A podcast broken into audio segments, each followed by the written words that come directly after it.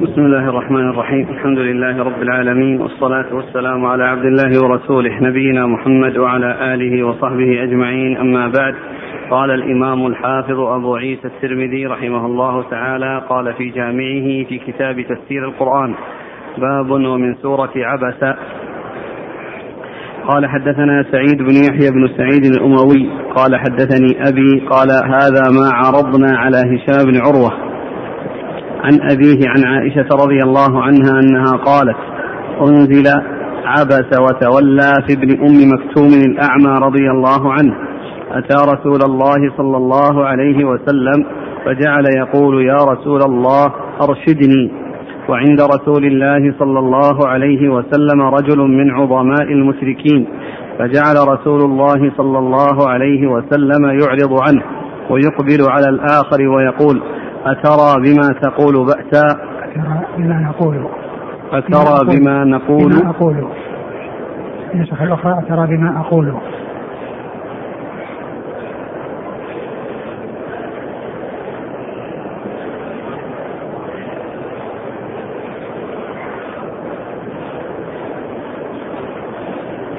ويقبل على الآخر ويقول أترى بما أقول بأسا فيقال لا ففي هذا أنزل قال أبو عيسى هذا حديث غريب وروى بعضهم هذا الحديث عن هشام بن عروة عن أبيه قال أنزل عبس وتولى في ابن أم مكتوم ولم يذكر فيه عن عائشة بسم الله الرحمن الرحيم الحمد لله رب العالمين وصلى الله وسلم وبارك على عبده ورسوله نبينا محمد وعلى آله وأصحابه أجمعين أما بعد فهذا الحديث أورده الترمذي رحمه الله في تفسير سورة عبس وهو يتعلق ببيان نزولها نزول أولها وهو قوله عبس وتولى أن جاءه الأعمى وأن ذلك الأعمى الذي جاء إلى النبي عليه الصلاة والسلام يسأله ويطلب منه الإرشاد والتوجيه والتعليم هو عبد الله هو ابن أم مكتوم رضي الله تعالى عنه والنبي صلى الله عليه وسلم كان مشغولا بالكلام مع رجل من عظماء المشركين يعني يدعوه الى الاسلام ويبين له فالنبي صلى الله عليه وسلم اعرض عن ابن ام مكتوم واتجه الى مخاطبه ذلك الرجل العظيم من عظماء قريش من عظماء الكفار آه، يريد منه ان يلين وان آه، يدخل في الاسلام وان يقبل ما جاء به الرسول الكريم عليه الصلاه والسلام من الحق والهدى آه، عاتبه الله عز وجل بهذه الآيات قال عبس وتولى أن جاءه الأعمى ولعل ابن أم مكتوم رضي الله عنه لم يكن علم بالشيء الذي انشغل به الرسول عليه الصلاة والسلام وإلا فإنه آه، آه،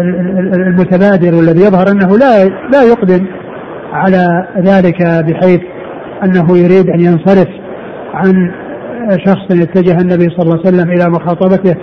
والطمع في هدايته والرغبة في هدايته ف... فلكونه أعمى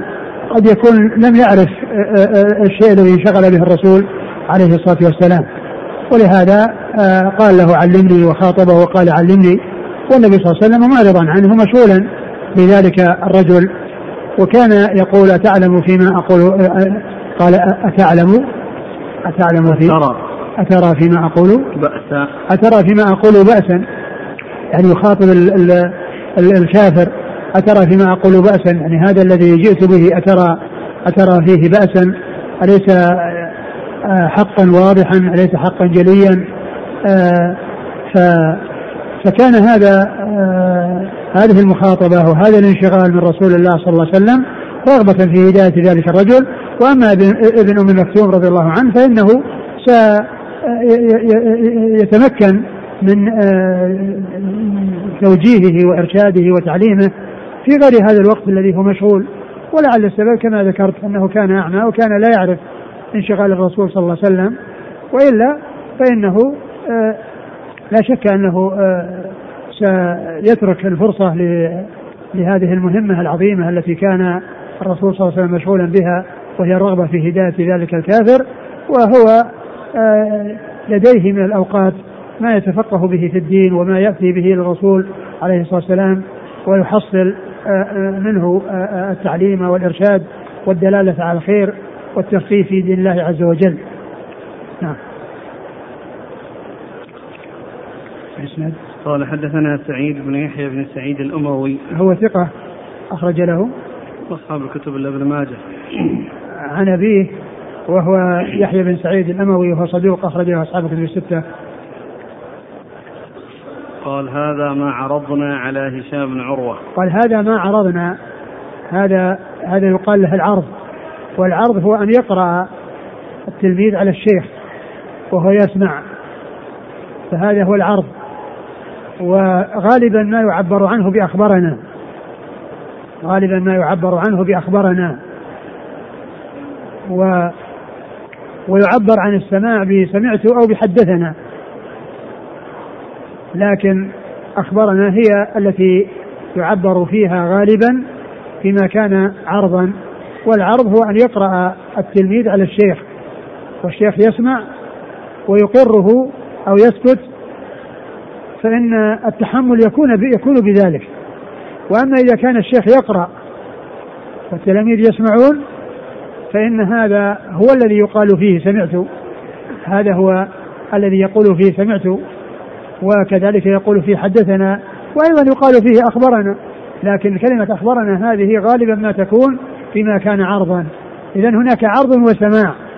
السماع هو من لفظ الشيخ والعرض هو القراءة على الشيخ وكل منهما يكون به التحمل إلا أن الثاني اللي هو العرض لا يقال فيه سمعت وإنما يقال أخبرنا هشام هشام بن عروة هشام بن عروة ثقة أخرجها أصحاب في الستة عن أبيه نعم عروة بن الزبير بن العوام ثقة فقيه أحد فقهاء المدينة السبعة في عصر التابعين أخرج لها أصحاب كتب الستة عن عائشة عن عائشة أم المؤمنين رضي الله عنها وأرضاها الصديقة بنت الصديق وهي ممن أكثر الرواية عن رسول الله صلى الله عليه وسلم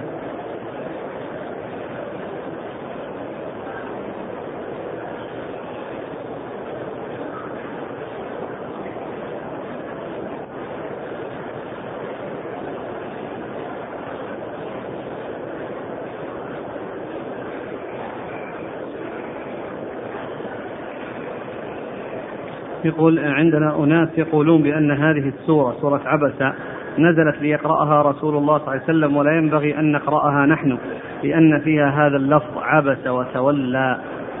ولا ينبغي أن نقرأها نحن ولا ينبغي أن نقرأها نحن إيش الكلام هذا يعني نحن ما نقرأ بعض القرآن يعني بعض القرآن لا نقرأه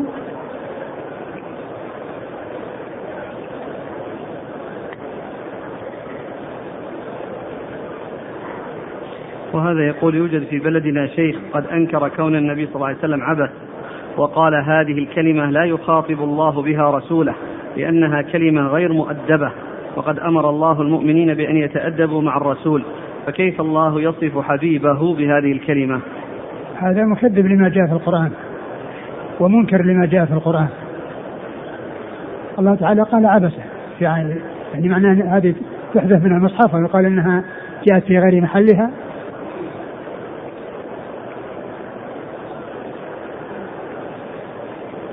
هل يجوز أن يقال إن النبي صلى الله عليه وسلم لم يرد العبث مثل, مثل هذه الأسئلة ما ينبغي أنها تذكر يعني مجرد الذكر وإنما يعرض عنها إعراضا نعم. هل يجوز أن يقال إن النبي صلى الله عليه وسلم لم يرد العبث والتولي في وجه ابن أم مكتوم تحقيرا له وإنما أراد الطمع في هداية الآخر وهذا هو الذي الذي حصل هو الطمع في هداية الآخر ليس تحقيرا أبدا ولا يقال ان ان في ذلك تحقير ولا يتصور ان يقال في ذلك تحقير وانما هو رغبه في هدايه ذلك الرجل وابن ام مكتوم فيه مجالات اخرى كثيره لافادته ول ولتعليمه وارشاده. الحديث يدل ان المشرك الذي انشغل معه الرسول صلى الله عليه وسلم كان قبل ان ياتي ابن مكتوم فلما المعاتبه؟ آه المعاقبة آه، آه، لكون لكونه آه، لم يحقق لهذا الذي جاء إليه وهو راغب في الخير أن يعلمه وأن يجمع بين هذا وهذا يفيد هذا ويفيد هذا يعني هذا هو المعاتبة لهذا ما صحة ما جاء في كتب التفسير أن النبي صلى الله عليه وسلم كان كلما جاءه بعد ذلك قال مرحبا بالذي عاتبني فيه ربي لا أدري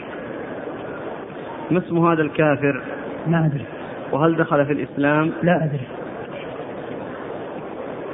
هل من النا... هناك من الناس من يستنكر إطلاق كلمة أعمى ويستحسن كلمة كفيف فما تعليقكم؟ والله الله عز وجل وصفه بأنه أعمى أقول وصف الرجل بأنه أعمى فالوصف الذي فيه الإنسان الذي في الإنسان ليس فيه غضاضة هذا الشيء الذي أعطاه الله يعني فيه أعمى ومبصر والمبصر الله تعالى هو الذي أعطاه البصر والأعمى هو الذي الله أخذ منه البصر فالوصف الذي جاء في القرآن لا يقال أنه ما ينبغي وإنما آه، آه، ذكر الإنسان بوصفه الذي هو فيه وقد جاء في القرآن لا لا شيء فيه أبدا ليس في سبب نزول هذه الآية زجر للجماعات الدعوية التي تهتم فقط بوجهاء القوم آه معلوم أن أن ان آه، أن أن قضية آه، تقديم الناس الذين لا يستحقون التقديم والاشتغال بهم آه، من أناس عندهم يعني شيء من النقص وعندهم شيء من الخلل لا شك أن هذا من من من الخطأ وعليهم هم أن هم أنفسهم أن يصلحوا أنفسهم أولا حتى يتمكنوا من إصلاح غيرهم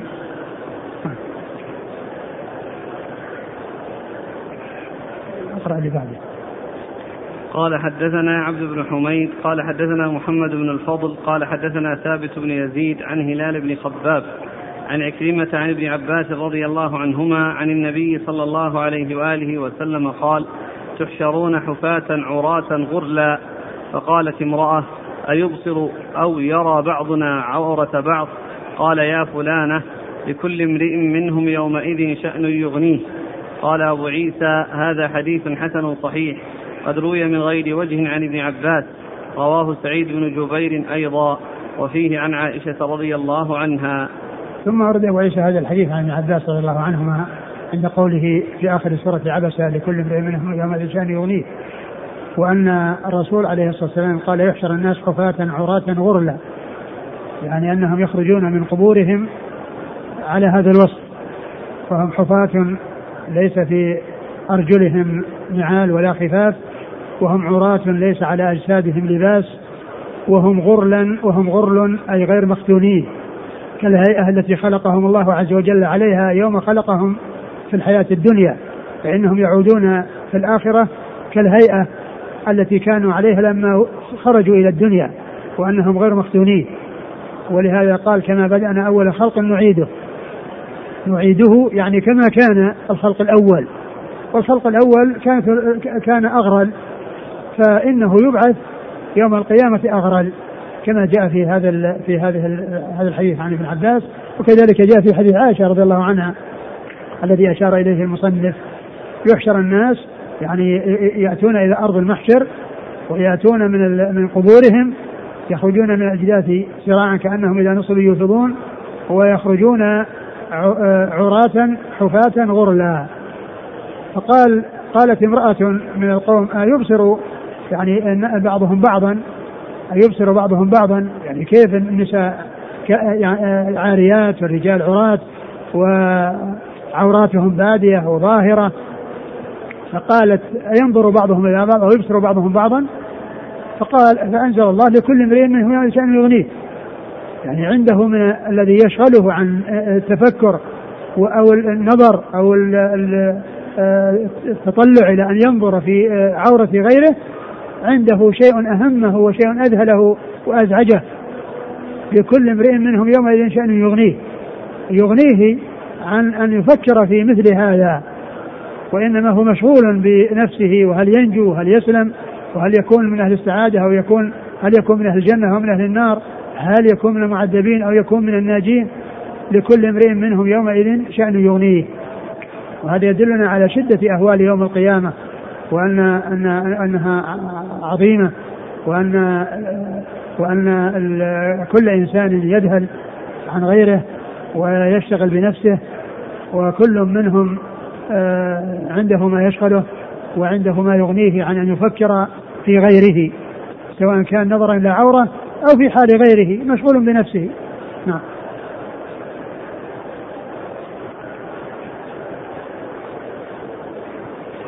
قال حدثنا عبد بن حميد عبد بن حميد هو ثقة أخرجه البخاري تعليقا ومسلم والترمذي. عن محمد بن الفضل محمد بن الفضل هو عارم وهو ثقة أخرج له أصحاب الكتب نعم عن ثابت بن يزيد هو ثقة أخرج أصحاب الكتب نعم عن هلال بن خباب وهو صدوق أخرج أصحاب السنن نعم عن عكرمة عن ابن عباس عكرمة هو ابن عباس ثقة أخرجها أصحابه في الستة نعم قال ورواه سعيد بن جبير ثقة أخرجها أصحابه في الستة وفيه عن عائشة نعم قالت امرأة ليست في عائشة في حديث ابن عباس ما ندري هل هي عائشة أو غيرها لكن عائشة نفسها هي التي في حديثها قالت قلت يا رسول الله قالت قلت يا رسول الله فيحتمل ان تكون عائشه ويحتمل ان تكون غيرها لكن حديث عائشه رضي الله عنها آه، فيها انها قالت قلت قلت يا رسول الله نعم. متى يكسى المؤمنون؟ متى؟ يكسى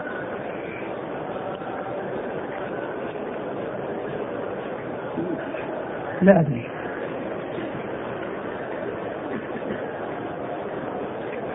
وجاء أول من يفتح إبراهيم عليه الصلاة والسلام لكن متى ما أدري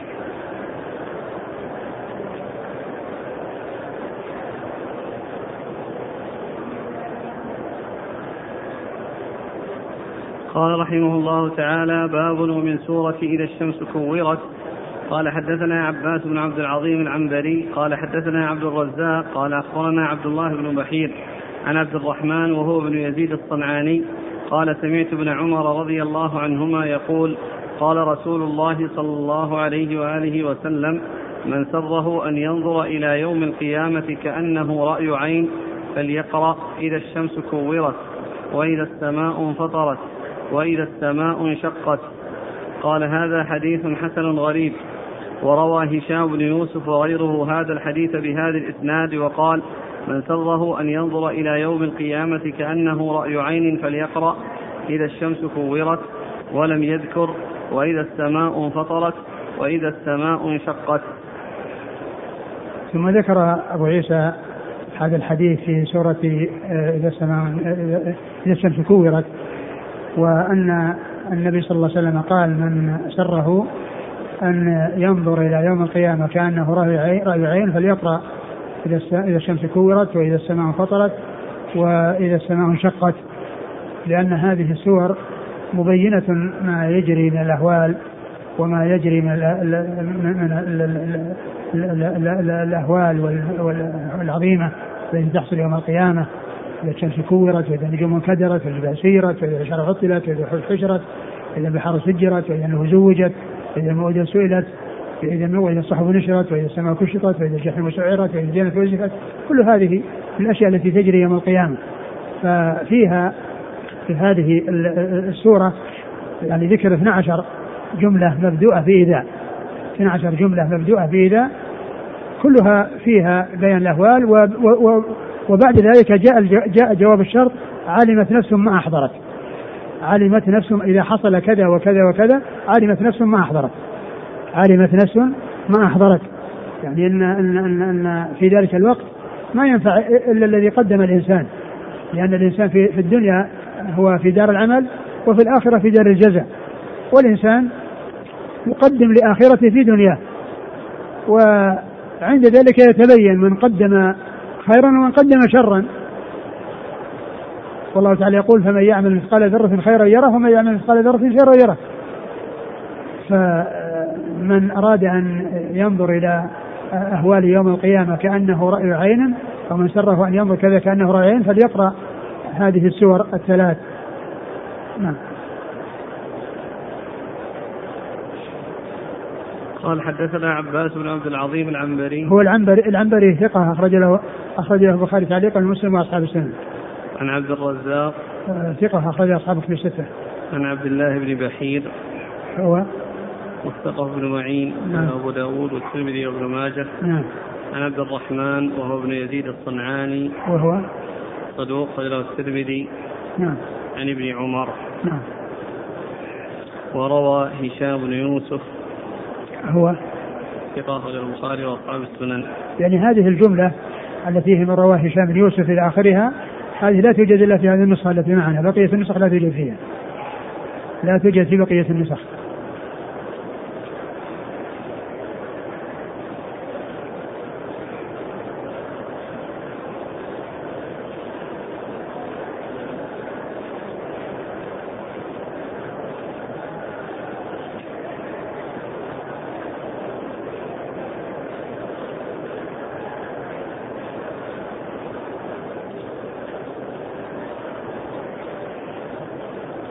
قال رحمه الله تعالى باب من سورة ويل للمطففين قال حدثنا قتيبة قال حدثنا الليث عن ابن عجلان عن القعقاع بن حكيم عن أبي صالح عن أبي هريرة رضي الله عنه عن رسول الله صلى الله عليه وآله وسلم أنه قال إن العبد إذا أخطأ خطيئة نكتت في قلبه نكتة سوداء فإذا هو نزع واستغفر وتاب صقل قلبه وإن عاد زيد فيها حتى تعلو قلبه وهو الران وهو الران الذي ذكر الله كلا بل ران على قلوبهم ما كانوا يكسبون قال هذا حديث حسن صحيح ثم رجع ابو عيسى هذا الحديث في سوره المطففين ان ان النبي صلى الله عليه وسلم قال اذا ادنى اذا خطئ اذا عمل خطيئه اذا عمل أن العبد إذا أخطأ خطيئة أن العبد إذا أخطأ خطيئة نكتت في قلب نكت في قلبه نكتة سوداء وهذا يبين خطر الذنوب وأنها تسود القلوب وتمرض القلوب وتؤثر على القلوب فإن كان هذه النكتة السوداء التي حصلت في قلبه بسبب الخطيئة التي أخطأها إن تاب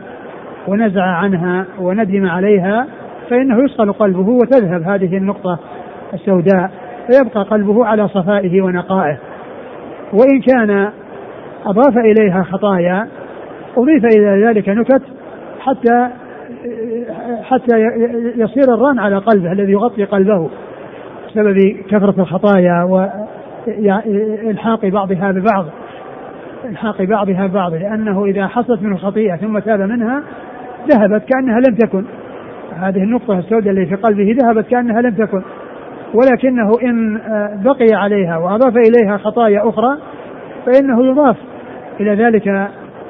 يعني آه، يعني نقطة آه، سوداء حتى يحصل له الران الذي قال الله عز وجل فيه كلا بل ران على قلوبهم ما كانوا يكسبون كلا بل ران على قلوبهم ما كانوا يكسبون وهذه كما كان كما هو واضح انها في الكفار لكن أصحاب المعاصي وأصحاب الذنوب لا شك أن أن أن, أن, أن لهم نصيب من ذلك وأن وأن آه، القلوب آه، يحصل لها آه،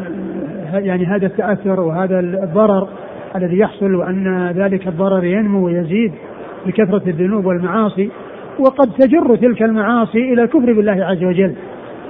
يعني كما قال بعض اهل العلم المعاصي بريد الكفر المعاصي بريد الكفر يعني الانسان الذي يستهون آه، آه، آه، الوقوع في المحرمات قد قد يتنادى به الامر الى انه يكفر بالله يكفر والعياذ بالله وقد يستحل بعض المعاصي التي هي معلومه من دين الاسلام بالضروره فيكون بذلك يحصله يحصل له بذلك الكفر نعم قال حدثنا قتيبة قتيبة بن سعيد ثقة أخرج أصحاب كتب الستة. عن الليث الليث بن سعد المصري ثقة أخرج أصحاب كتب الستة. عن ابن عجلان محمد بن عجلان صدوق أخرجه البخاري تعليقا ومسلم وأصحاب السنة. عن القعقاع بن حكيم وهو ثقة أخرج البخاري في المفرد ومسلم وأصحاب السنن. نعم. عن أبي صالح أبو صالح ذكوان السمان ثقة أخرج أصحاب كتب الستة. عن أبي هريرة هو عبد الرحمن بن صخر أكثر الصحابة حديثا إذا أخطأ خطيئة هل المراد بها صغيرة أم كبيرة؟ الكبيرة لا شك الكبيرة لا شك في دخولها وأما الصغائر فقد جاء أنها تكفر باجتناب الكبائر وتكفر بالأعمال الصالحة تكفر باجتناب الكبائر تكفر بالأعمال الصالحة مثل ما جاء الجمعة إلى الجمعة ورمضان إلى رمضان مكفرات لما بينهن ما اجتنبت الكبائر وكذلك الأعمال الصالحة تذهب سيئات كما جاء في سورة هود إن الحسنات يذهبن السيئات إن الحسنات يذهبن السيئات وقول الله عز وجل تجتنبوا كبائر ما تنهون عنه يكفر عنكم سيئاتكم تكفر الخطايا لكن الذنوب الصغائر قد تلتحق بالكبائر كما جاء عن ابن عباس رضي الله عنه عنهما انه قال لا كبيرة لا كبيرة مع الاستغفار ولا صغيرة مع الاصرار لأن الصغيرة إذا أصر عليها ولم يبال الإنسان بها وداوم عليها ولم يتأثر ولم يخف من الله عز وجل في الوقوع في المعصية فإن ذلك يلحق هذا الكبائر لأنها تضخم وتعظم آه، آه، حتى تلحق بالكبائر وهذا معنى قول ابن عباس لا صغيرة مع الإصرار الصغيرة مع الإصرار لا تبقى صغيرة بل ترتفع إلى أن تكون من من جنس الكبائر والكبيرة مع حصول الاستغفار والندم تتلاشى وتضمحل فلا يكون لها وجود ما معنى كلمة رانا يعني الرهن الغطاء او اللي غطى عليه او غشيه نعم. الحديث فإذا هو نزع واستغفر وتاب ثقل قلبه وإن عاد زيد فيها ثقل قلبه يعني معناه إذا تاب واستغفر ثقل قلبه وإن عاد إلى المعصية يعني ما حصل توبة بقيت الذنب الأول على ما هو عليه وجاء معه ذنب آخر زاد ذنوبا فإنه يزاد فإنه يزاد في الغشاوة والغطاء والرين الذي يكون على القلب أو الذي يصل إلى حد الغشاوة على القلب جميعا نعم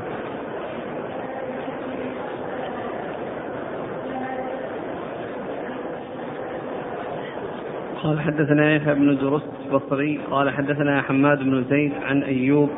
عن نافع عن ابي عمر رضي الله عنهما قال حماد هو عندنا مرفوع يوم يقوم الناس لرب العالمين قال يقومون في الرفع إلى أنصاف آذانهم قال حدثنا هناد قال حدثنا عيسى بن يونس عن ابن عون عن نافع عن ابن عمر رضي الله عنهما عن النبي صلى الله عليه وعلى آله وسلم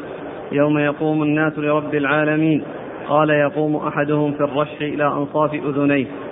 قال هذا حديث حسن صحيح وفيه عن أبي هريرة ثم ذكر هذا الحديث عن عمر في آه، قول الله عز وجل في سورة المطففين يوم يقوم الناس لرب العالمين قال انهم يقومون في الرشح والرشح هو العرق الذي يتصاب من اجسادهم وهم متفاوتون فيه على حسب آه، على حسب ما يحصل منهم فمنهم من يصل الى اذنيه ومنهم من يصل الى الى, إلى ركبتيه ومنهم من يصل الى يعني وسطه متفاوتون ومنهم ويكون الواحد منهم آه، آه، يصير في الرشح إلى أنصاف أذنيه إلى أنصاف أذنيه يعني معناه كل الذي تحت ذلك آه، كله غطاه أو انغمس فيه وصار يعني فيه ما بقي إلا بعض رأسه وهذا يدلنا على أهوال يوم القيامة وعلى وقد جاء في الحديث الحديث الذي يموج الناس بعضهم من بعض وأن الشمس تدنو منهم ويتفاوتون في العرق ثم بعد ذلك يذهبون إلى من يستشفع بهم إلى الله عز وجل يستشفعون إلى الله عز وجل ببعض آه، أولي العزم من الرسل وكل واحد يعتذر بأول آدم ثم بأهل آه، أولي العزم من الرسل وكل يعتذر حتى تأتي إلى الرسول صلى الله عليه وسلم ويشفع ويشفع ويشفعه الله عز وجل وهي الشفاعة العظمى ف الحاصل أن الناس يتفاوتون في الرشح والغوص في العرق وكونهم يغوصون في عرقهم الذي يتصاب منهم إلى من فيهم من يصل إلى أنصاف أذنيه معناه أنه كله غاص وانغمس في الرشح نعم قال حدثنا يحيى بن درست هو ثقة أخرج له الترمذي والنسائي وابن ماجه نعم عن حماد بن زيد ثقة أخرج أصحاب كتب الستة عن أيوب بن أبي تميم السختياني ثقة أخرج أصحاب كتب الستة عن نافع عن ابن عمر نافع مولى بن عمر ثقة أخرج أصحاب كتب الستة نعم قال حدثنا هناد هناد بن السري ثقة أخرج البخاري في خلق أفعال عباده ومسلم وأصحاب السنة عن عيسى بن يونس وهو ثقة أخرج أصحاب كتب الستة عن ابن عون هو عبد الله بن عون ثقة أخرج أصحابه في الستة.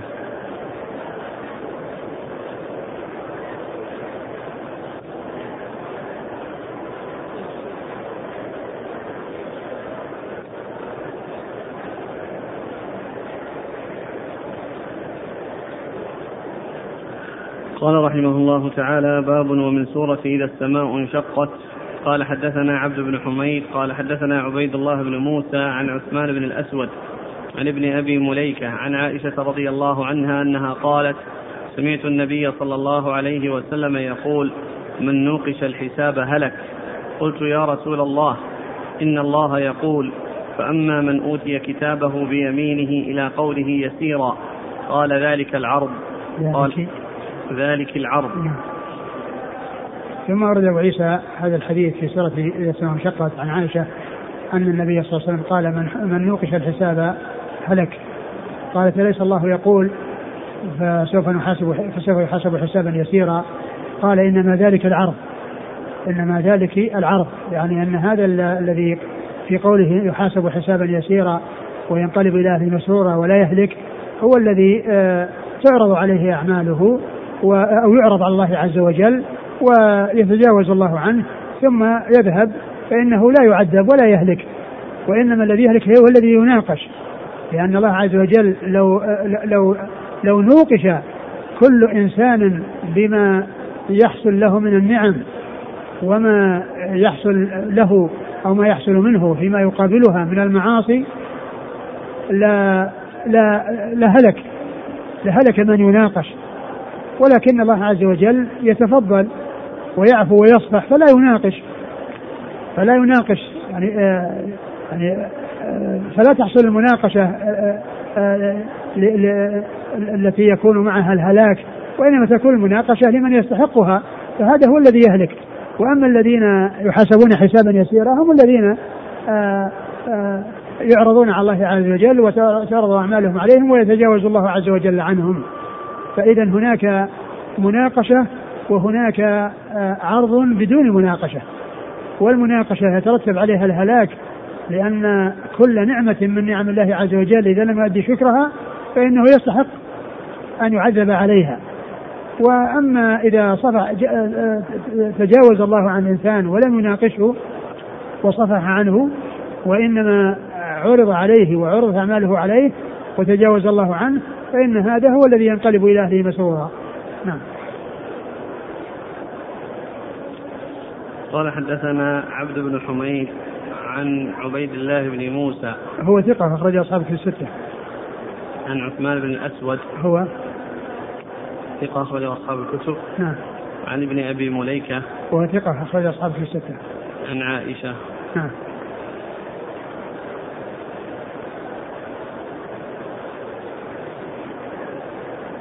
من نوقش الحساب هلك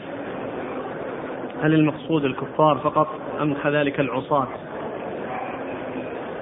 آه، هو جاء في الحديث الآخر من نوقش الحساب عذب من نوقش الحساب عذب ومعلوم أن الهلاك الحقيقي الذي لا لا نجاة بعده ولا سلامة بعده خاص بالكفار وأما من شاء الله عز وجل أن آه، آه، يعذب ونوقش الحساب فإنه إذا عذب على مناقشته أو بعد مناقشته فإنه لا لا يعذب دائما وأبدا ولا يحصل له الهلاك الذي يحصل للكفار وإنما يعذب آه، على مقدار جرمه وعلى مقدار خطيئته ثم النهاية أنه يخرج من النار ويدخل الجنة فالتعذيب التعذيب يكون للكفار ولمن شاء الله عذابه ولمن شاء الله عذابه ولا شك أن الذين عذبوا حصلت لهم المناقشة نعم هل الكفار يحاسبون ويناقشون؟ الكفار آه، كما هو معلوم أعمالهم أعمالهم آه، الصالحة لا تفيدهم شيئا لأنها لا تفيد مع الكفر شيئا ومعلوم أن موازينهم خفيفة وليس في الجانب الآخر منها شيء فليس عندهم موازنة بين حسنات وسيئات ما عندهم الا سيئه الكفر والسيئات الاخرى والحسنات التي حصلت لهم او الاحسان الذي حصل منهم فانهم لا يستفيدون منه شيئا في الاخره كما جاء في قصة ابن جدعان انه قال لم يقل رب اغفر لي خطيئتي يوم الدين يعني لا ينفعه ما بذله من الاحسان وما بذله من الصدقات وما انفقه من من الامور التي تفيد الناس لا تفيده شيئا فهم كما كما هو معلوم الكفار ما عندهم الا في في ميزانهم الا السيئات الكفر والسيئات الاخرى التي التي هي بسبب عدم قيامهم بالاوامر و وكون بعضهم يصد عن سبيل الله فان الكفار متفاوتون منهم من تكون ما عنده الا الكفر وهو لا يتعدى ضرره إلى غيره ومنهم من عنده الكفر وعنده الإفساد في الأرض والصد عن سبيل الله وهذا لا شك أنه أشد وأعظم جاء في الحديث لا تزول قدم عبد قدم عبد يوم القيامة حتى يسأل عن أربع فيه إثبات العموم لكل عبد أنه سيسأل آه آه هذا آه، إذا كان إن السؤال مقصود به العرض فإن أنه مثل ما مثل ما مر يحسب حسابا يسيرا وينقلب إلى مسورا مسرورا وأما إذا كان فيها مناقشة فهي التي يترتب عليها العذاب قال حدثنا سويد بن نصر قال أخبرنا عبد الله بن المبارك عن عثمان بن الأسود بهذا الإسناد نحوه سويد بن نصر ثقة أخرجه الترمذي والنسائي وعبد الله المبارك ثقة أخرجها أصحاب الكتب قال حدثنا محمد بن أبان وغير واحد قالوا حدثنا عبد الوهاب الثقفي عن أيوب عن ابن أبي مليكة عن عائشة عن النبي صلى الله عليه وآله وسلم نحوه نعم وفيه يعني آه، فيه عذب يعني في من نوقش الفساد عذب نعم وهذا سيأتي عن من عن عائشة عن عائشة نحوه نعم قال حدثنا محمد بن أبان نعم محمد بن أبان ثقة أخرج له البخاري وأصحاب السنن نعم عن عبد الوهاب الثقفي هو عبد الوهاب بن عبد المجيد ثقة أصحاب الكتب نعم عن أيوب عن ابن أبي مليكة عن عائشة نعم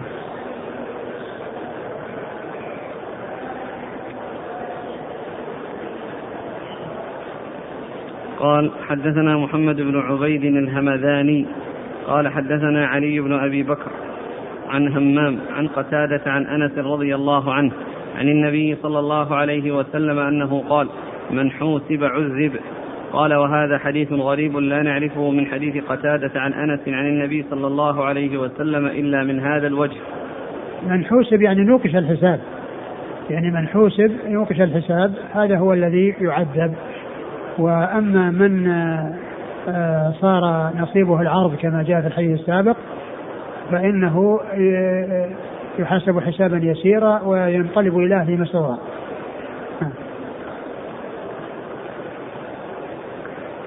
الإسناد قال حدثنا محمد بن عبيد الهمذاني الهمذاني هذا نسبة إلى إلى مدينة وأما همدان نسبة إلى قبيلة وكثيرا يعني ما يأتي همدان الذي هي نسبة للقبيلة وهي بسكون الميم والدال ومنهم أبو إسحاق السبيعي الهمداني الذي يأتي ذكره كثيرا وكثيرا ينسبون إلى إلى همدان وهي قبيلة من اليمن وأما همدان فهي مدينة ينسب إليها جماعة من المحدثين ومنهم هذا الذي معنا في هذا الإسناد محمد بن عبيد الهمداني وهو بالميم المفتوحة والذال المفتوحة والدال المعجمة المفتوحة الهمداني نعم وهو ثقة أخرجه الترمذي نعم عن علي بن أبي بكر هو صدوق ربما أخطأ أخرجه الترمذي وابن ماجه نعم عن همام عن قتادة همام بن يحيى العوذي ثقة أخرج أصحاب كتب الستة قتادة مدي عام السدوسي البصري ثقة أخرج أصحاب كتب الستة عن أنس نعم عن أنس رضي الله عنه خادم رسول الله صلى الله عليه وسلم وأحد السبع المكثرين من حديثه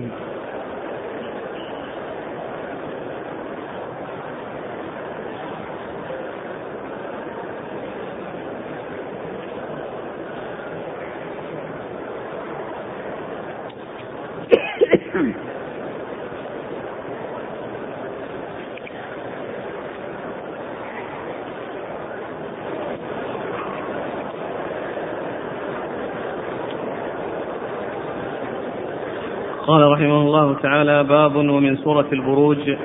قال حدثنا عبد بن حميد قال حدثنا روح بن عبادة وعبيد الله بن موسى عن موسى بن عبيدة عن أيوب بن خالد عن عبد الله بن رافع عن أبي هريرة رضي الله عنه أنه قال قال رسول الله صلى الله عليه وسلم اليوم الموعود يوم القيامة واليوم المشهود يوم عرفة والشاهد يوم الجمعة وما طلعت الشمس ولا غربت على يوم أفضل منه فيه ساعة لا يوافقها عبد مؤمن يدعو الله بخير إلا استجاب الله له ولا يستعيذ من شر إلا أعاذه الله منه قال حدث نعم. قال حدثنا علي بن حجر قال حدثنا قران بن سمام الأسدي عن موسى بن عبيدة بهذا الإسناد نحوه وموسى بن عبيدة الربذي يكنى أبا عبد العزيز وقد تكلم فيه يحيى وغيره من قبل حفظه وقد روى شعبة والثوري وغير واحد عن الأئمة عنه من الأئمة وغير واحد من الأئمة عنه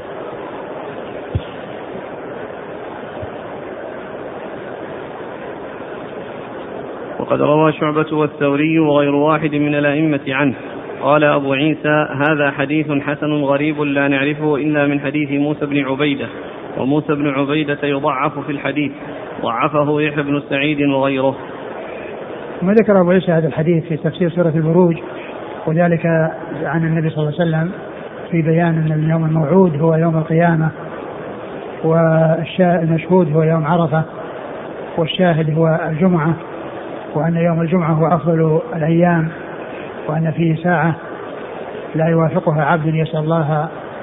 آه، ويستغفره الا اجابه وال فاليوم المو... فهذا فيه تفسير للقرآن وبيان معاني القرآن وأن اليوم الموعود هو يوم يوم القيامة الذي وعد الله تعالى الناس به وأنهم آه، سيجمعون ويحشرون ويحاسبون وينقسمون إلى أهل السعادة آه، إلى أهل الجنة وإلى أهل النار المشهود يوم عرفة الذي يشهده الناس ويأتي إليه من جميع من أقطار الأرض والشاهد هو يوم الجمعة الذي هو آه، أفضل أيام الأسبوع أفضل الأيام أيام الأسبوع وهو وهو عيد وهو العيد الأسبوعي كما جاء في ذلك أحاديث تدل على أن يوم الجمعة يطلق عليه يوم العيد ومنه الذي جاء في البخاري عن عثمان بن عفان رضي الله عنه خطب الناس في يوم في يوم عيد وافق يوم جمعة فقال قد اجتمع لكم في يومكم هذا عيدان قد اجتمع لكم في يومكم هذا عيدان وهذا في صحيح البخاري وفيه أحاديث أخرى تدل أو فيها إطلاق آه، اسم العيد على يوم الجمعة والساعة التي آه، ساعة الإجابة قيل فيها أقوال كثيرة وأقربها أو آه، أولاها أنها وقت الخطبة وقت الصلاة أو آخر آه، يعني يوم الجمعة آخر يوم الجمعة آه، الذي هو آخر ساعة من يوم الجمعة قبل المغرب يعني في آخر النهار وهذا هو الأقرب والأوضح وأقرب ما يكون من الأقوال الكثيرة فيه هو هذان القولان نعم قال حدثنا عبد بن حميد عن روح بن عبادة روح بن عبادة ثقة أخرج أصحابه في الستة وعبيد الله بن موسى ثقة مر ذكره عن موسى بن عبيدة وهو ضعيف أخرج له الترمذي ابن ماجه نعم عن أيوب بن خالد هو فيه لين أخرجه مسلم والترمذي والنسائي نعم عن عبد الله بن رافع وهو ثقة أخرجه مسلم وأصحاب السنن نعم عن أبي هريرة رضي الله عنه نعم قال حدثنا علي بن حجر علي بن حجر بن اياس السعدي ثقه اخرجه البخاري ومسلم والترمذي والنسائي. عن قران بن تمام هو صدوق ربما اخطا وله نعم. ابو داوود والترمذي والنسائي. نعم. والحديث في اسناده انتهى في اسماء فيه في اسماء متكرره آه موسى بن عبيده فيه, فيه ضعيف كما يعني كما ذكره الحافظ التقريب وكما أشار إليه الترمذي وأنه ضعفه فلان وفلان والشيخ الألباني رحمه الله ذكر له شاهدا يعني يدل على ما دل عليه وقد حسنه بسبب ذلك نعم. انتهى انتهى الحديث وما يتعلق به وموسى بن عبيدة الربذي ابن أبا عبد العزيز وقد تكلم فيه يحيى وغيره من قبل حفظه وقد روى شعبة والثوري وغير واحد من الأئمة عنه قال أبو عيسى هذا حديث حسن وموسى بن عبيدة يضعف الحديث ضعفه يحيى بن سعيد وغيره نعم والله تعالى أعلم وصلى الله وسلم وبارك على أبي ورسوله نبينا محمد وعلى آله وأصحابه أجمعين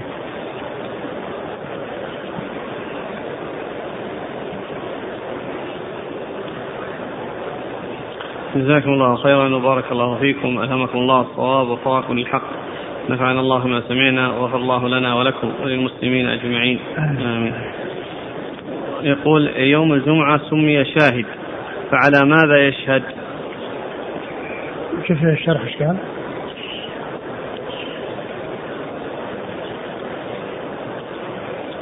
يشهد لمن حضر صلاته نعم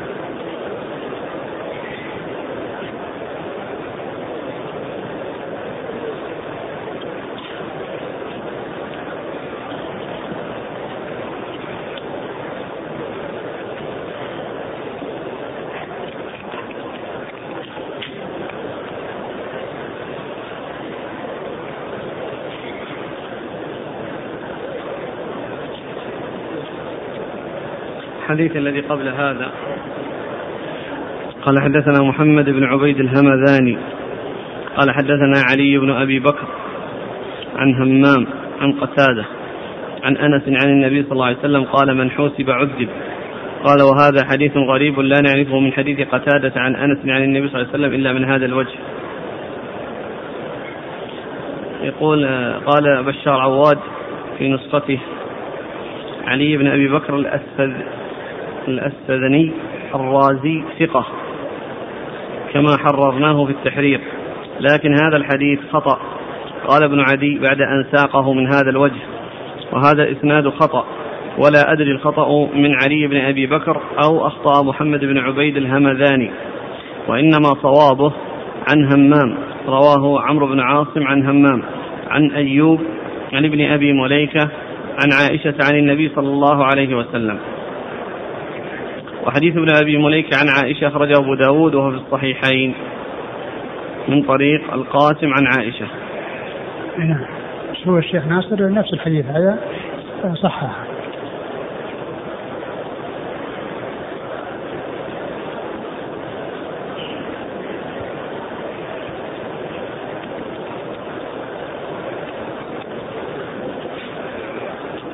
يقول ما مقدار الساعة حتى, حتى ولو لم يصح أقول له لم يصح ولو كان ضعيفا هنا كما يغني عنه نعم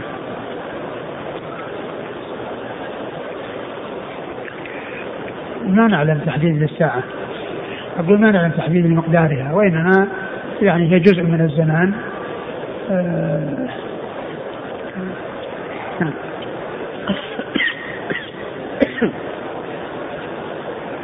جاء في الحديث سبعين ألف يدخلون الجنة بلا حساب يعني حتى لا تعرض عليهم الذنوب حتى العرض آه، قضية العرض يعني كونهم يعرضون على الله كلهم يعرضوا على الله عز وجل كلهم يعرضوا على الله وأما قضية آه، آه، كونهم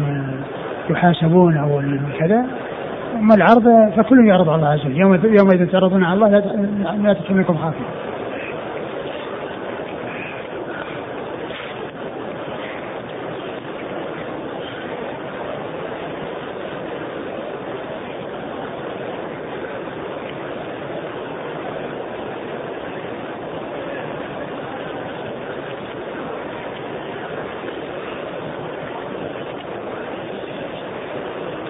يقول ما معنى قوله صلى الله عليه وسلم من سره أن ينظر مع أن المذكور أهوال يوم القيامة هذه لا تسر آه، المقصود من هذا كما هو معلوم أن أن الإنسان في الدنيا وكأنه موجود في الدار الآخرة أو يوم القيامة يشاهد ويعاين والمقصود بذكر السرور هنا كون الإنسان يستفيد ما دام أنه في هذه الحياة الدنيا من الاستعداد والاعمال الصالحه التي تنفعه عندما تاتي هذه الاهوال عندما تاتي هذه الاهوال هو في دار العمل يعمل ويستعد حتى يسلم في الدار الاخره لان الانسان اذا قرأ هذه الايات وتاملها كانه كانه يشاهد ما يجري في الاخره لان هذا اخبار من الله عز وجل وهذا الذي أخبر به الله عز وجل سيقع طبقا لما أخبر و آه، الإنسان عندما يتأمل يكون كأنه يرى هذا الذي يحصل والسرور يعني يكون بالاستعداد ليكون الإنسان يتجنب هذه الأخطار ويتجنب هذه الأفزاع يتجنب هذه الأمور الخطيرة وذلك بالاستعداد لها بالأعمال الصالحة في هذه الحياة الدنيا فلا يشكل على القول بأن ساعة الإجابة يوم الجمعة عند خروج الإمام للخطبة كون المسلم مأمور في هذا الوقت بإجابة المؤذن ثم استماع الخطبة ليس هناك وقت للدعاء لا هو التأمين التأمين على الدعاء هو دعاء التأمين على الدعاء دعاء وفي غير وقت الخطبة يدعو لكن كما قلت ان الحديث يعني فيه فيه كلام ولكن الارجح والاصح هو الذي يتعلق باخر اخر يوم الجمعه. هل المحشر يكون في هذه الارض ام انه في ارض اخرى؟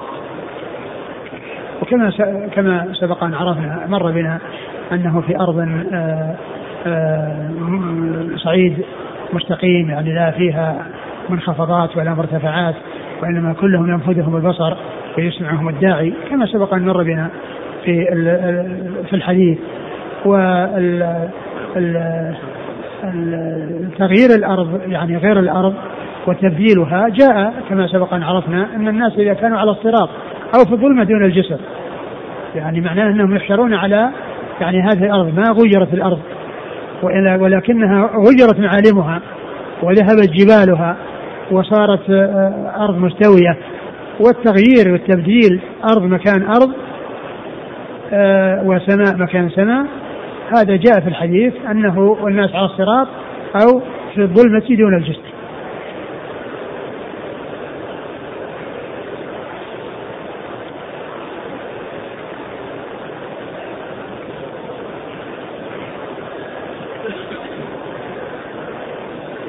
يقول من الذي يناقش الحساب هذا سئل عنه من قبل هل هو خاص بالكفار أو لا وقلنا أن الكفار, الكفار لا شك أنهم هم الذين يهلكون ومن آه، شاء الله عز وجل مناقشة من أصحاب المعاصي فإنهم آه، آه، يعذبون ويتحقق بذلك قوله صلى, قوله صلى الله عليه وسلم من نوقش الحساب عذب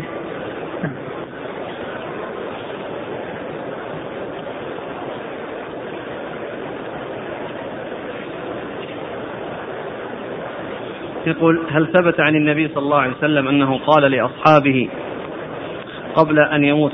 قال لعله قال لأحد أصحابه نعم قال لأحد أصحابه قبل أن يموت بأيام بأنه سيتزوج بامرأتين من يزوج لا, لا هل ثبت عن النبي صلى الله عليه وسلم أنه أنه هو صلى الله عليه وسلم قال لأصحابه قبل أن يموت بأيام بأنه سيتزوج بامرأتين في الجنة آسيا زوجة فرعون ومريم بنت عمران لا أدري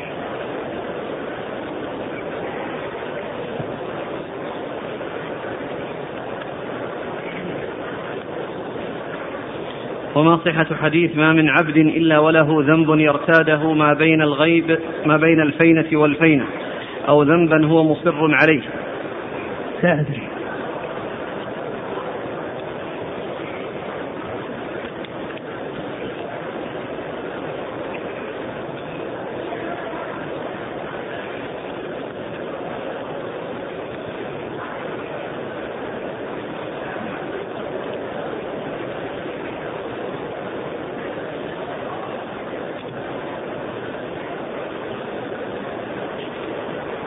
وهذا يسأل عن حديث إياكم وخضراء الدمن عن صحته هذا حديث الأدباء هذا يذكره الأدباء في كتب الأدب وليس بصحيح وحديث أن فاطمة رضي الله عنها حينما تريد الدخول إلى الجنة يقال للناس غضوا أبصاركم فلا تروها حتى تدخل لا أدري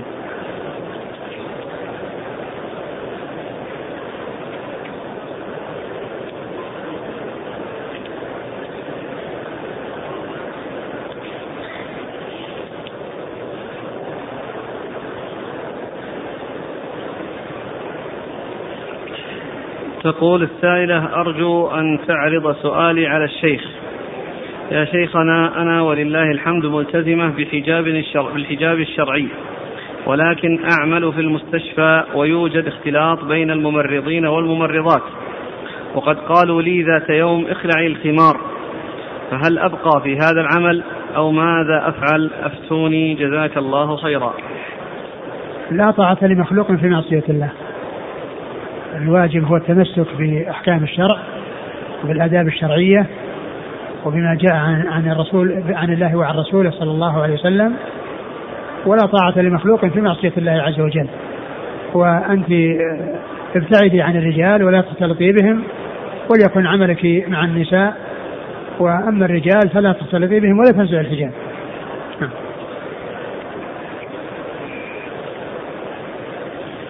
وهذا كذلك يسأل عن صحة حديث من لم يجاور ثلاث فقد ضل سوق يباع ويشترى فيه وإمام عادل وماء ماش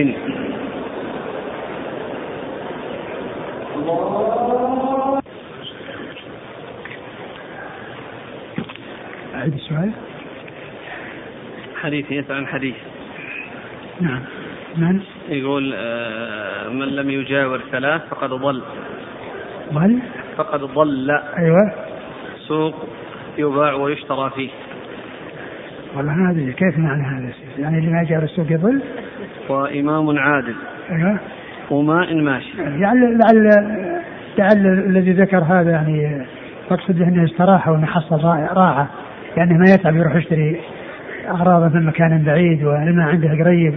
يستفيد منه والامام العادل يعني يكون مرتاح يعني من يعني من يعني يحصل له الراحه معه لكن كلمه الضلال هذه هذه آه، ما تلائم يعني الكلام هذا والمعنى هذا ابدا ثم ايضا يعني الاسواق جاء النبي صلى الله عليه وسلم انها ابغض البقاع الى الله يعني معناه يجاور ابغض البقاع الى الله يعني آه، الذي يجاورها يجاور ابغض البقاع الى الله كما جاء في صحيح مسلم أحب البلاد البلاد الله مساجدها وأبغضها إلى الله عز وجل أسواقها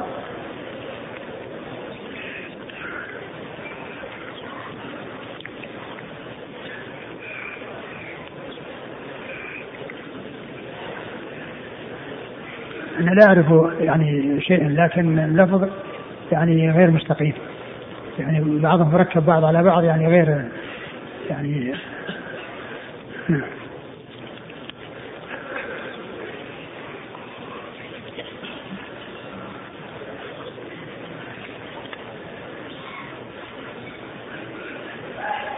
يقول آه، تاجران يبيعان سلعتهما للمؤسسات وبعد مدة تبين لأحدهما أن صاحبه يعطي رشوة للمؤسسة كي تقبل سلعته وعرضه من بين العروض الأخرى فهل يواصل معه الشراكة؟ لا و... لا يواصل لا يواصل الشراكة معه أبدا لا نعم. يشترك مع مع إنسان آه، يحصل المال عن طريق الرشوة والنبي صلى الله عليه وسلم لعن الراشي والمرتشي والمال الذي يحصل يعني عن ذلك لا شك انه في محذور آه، مثل هذا لا يصلح ان يشارك نعم يقول آه، هل يواصل معه الشراكة وينصحه أم يفاصله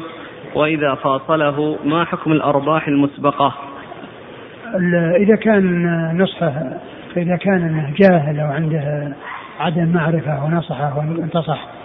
ما في بأس وأما إن كان آه، يعرف هذا الحكم ويعرف أن آه، الرشوة محرمة وأن الراشي ملعون والمرتشي ملعون فإذا آه، إذا كان يعلم هذا وأظهر التوبة الصادقة والنصوح وأنه تاب لا بأس وإن ابتعد عنه إذا كان غير مطمئن إلى صحته فإن هذا يدخل دع ما يريبك إلى ما لا يريبك والشيء الذي حصل فيما مضى لا شيء عليه فيه ما دام انه ما, ما كان يعرف فهو معذور وغير متميز ولا فهو معذور فيما مضى وانما المحذور فيما يستقبل بعد ان علم نعم يقول في بعض الأحاديث أن المسلم إذا عمل سيئة لم تكتب عليه إلا بعد ست ساعات فربما يرجع ويستغفر في حديث في بعض الأحاديث وش الحديث هذا وين الحديث ست ساعات وش الحديث هذا يعني؟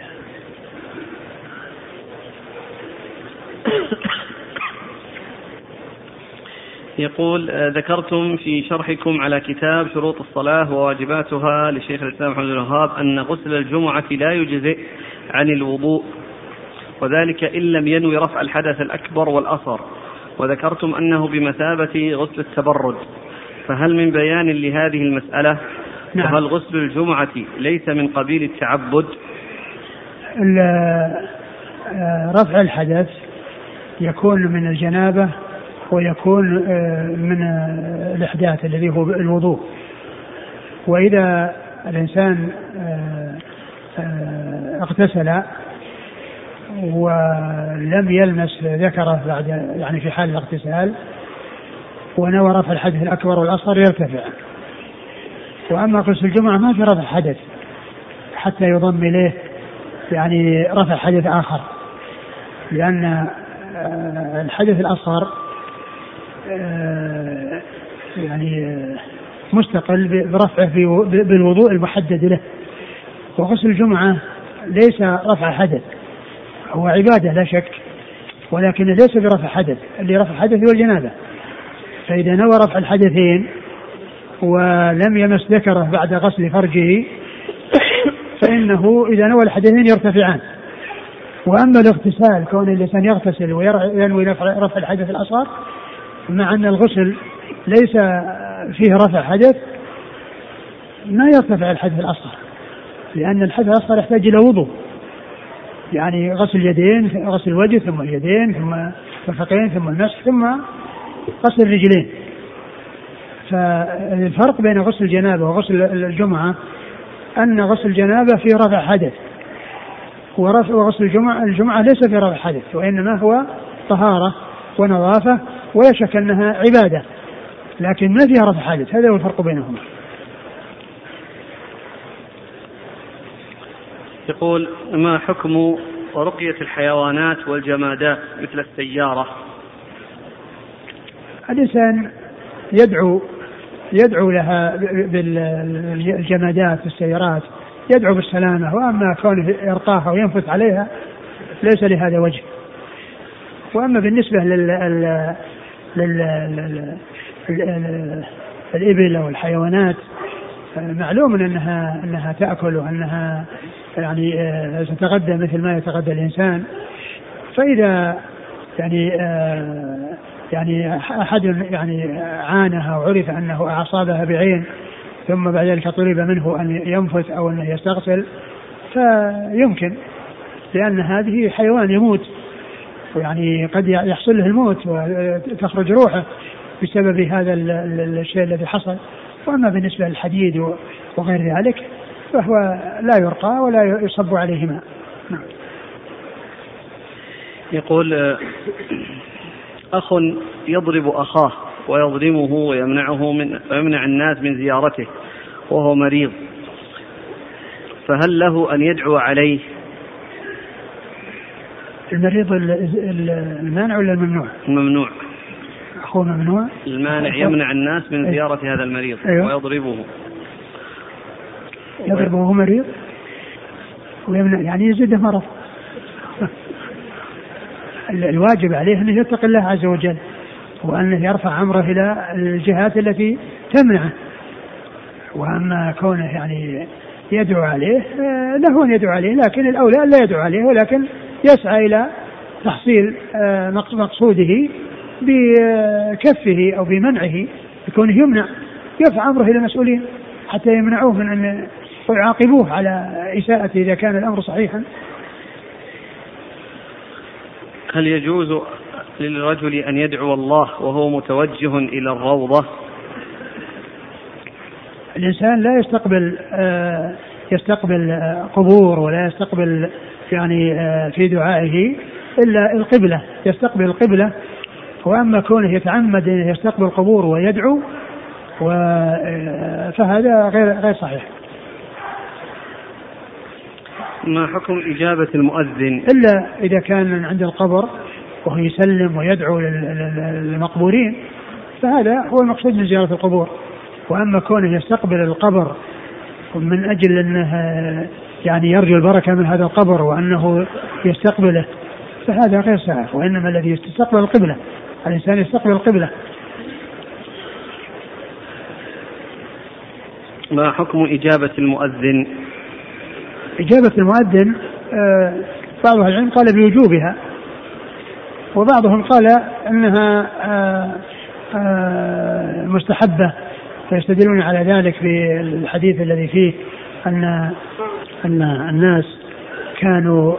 يعني آه، في زمن عمر رضي الله عنه إذا جاء ودخل يعني كانوا يعني يصلون فإذا آه، دخل, الخطيب جلسوا آه، والمؤذن يؤذن يتحدثون يعني يحدث بعضهم ببعض ويلتفت بعضهم إلى بعض بعض العلم قال إنها مستحبة لأن هذا هو الذي يصرف أو أن هذا هو الصارف ولكن الإنسان يحرص على أن يكون يأتي بذلك حتى ولو كانت مستحبة يعني يأتي بما هو مستحب ما حكم من يغيب عن أهلي عن زوجتي أكثر من ثلاث سنين لتحسين ظروفه ولصعوبة المعيشة وكسب الرزق في بلاده إذا اتفق معها على ذلك لا بأس وإذا كانت تمانع يعني من ذلك وأنها تريد أن يأتيها بين وقت وآخر أو في أوقات تتفق معها معه عليها فلا بأس ولكن المدة الطويلة مثل ثلاث سنين أو كذا يعني آه، آه، آه، فيه أقول فيه ما فيه وإذا وإذا كانت وافقت لا إشكال يقول لدي عقار وأردت أن أؤجره في مستأجر وأدخل به الدش فهل علي وزر؟ نعم عليك وزر وعليك أنك لا تؤجر عليه لا تؤجر عليه وإذا لم يعني هذا أخرجه لأن هذا الدش يجمع قاذورة العالم كلها أوساخ العالم كلها يدخلها في البيت إذا ذكرت لشخص آخر ما أنا فيه من مشاكل ومصائب الله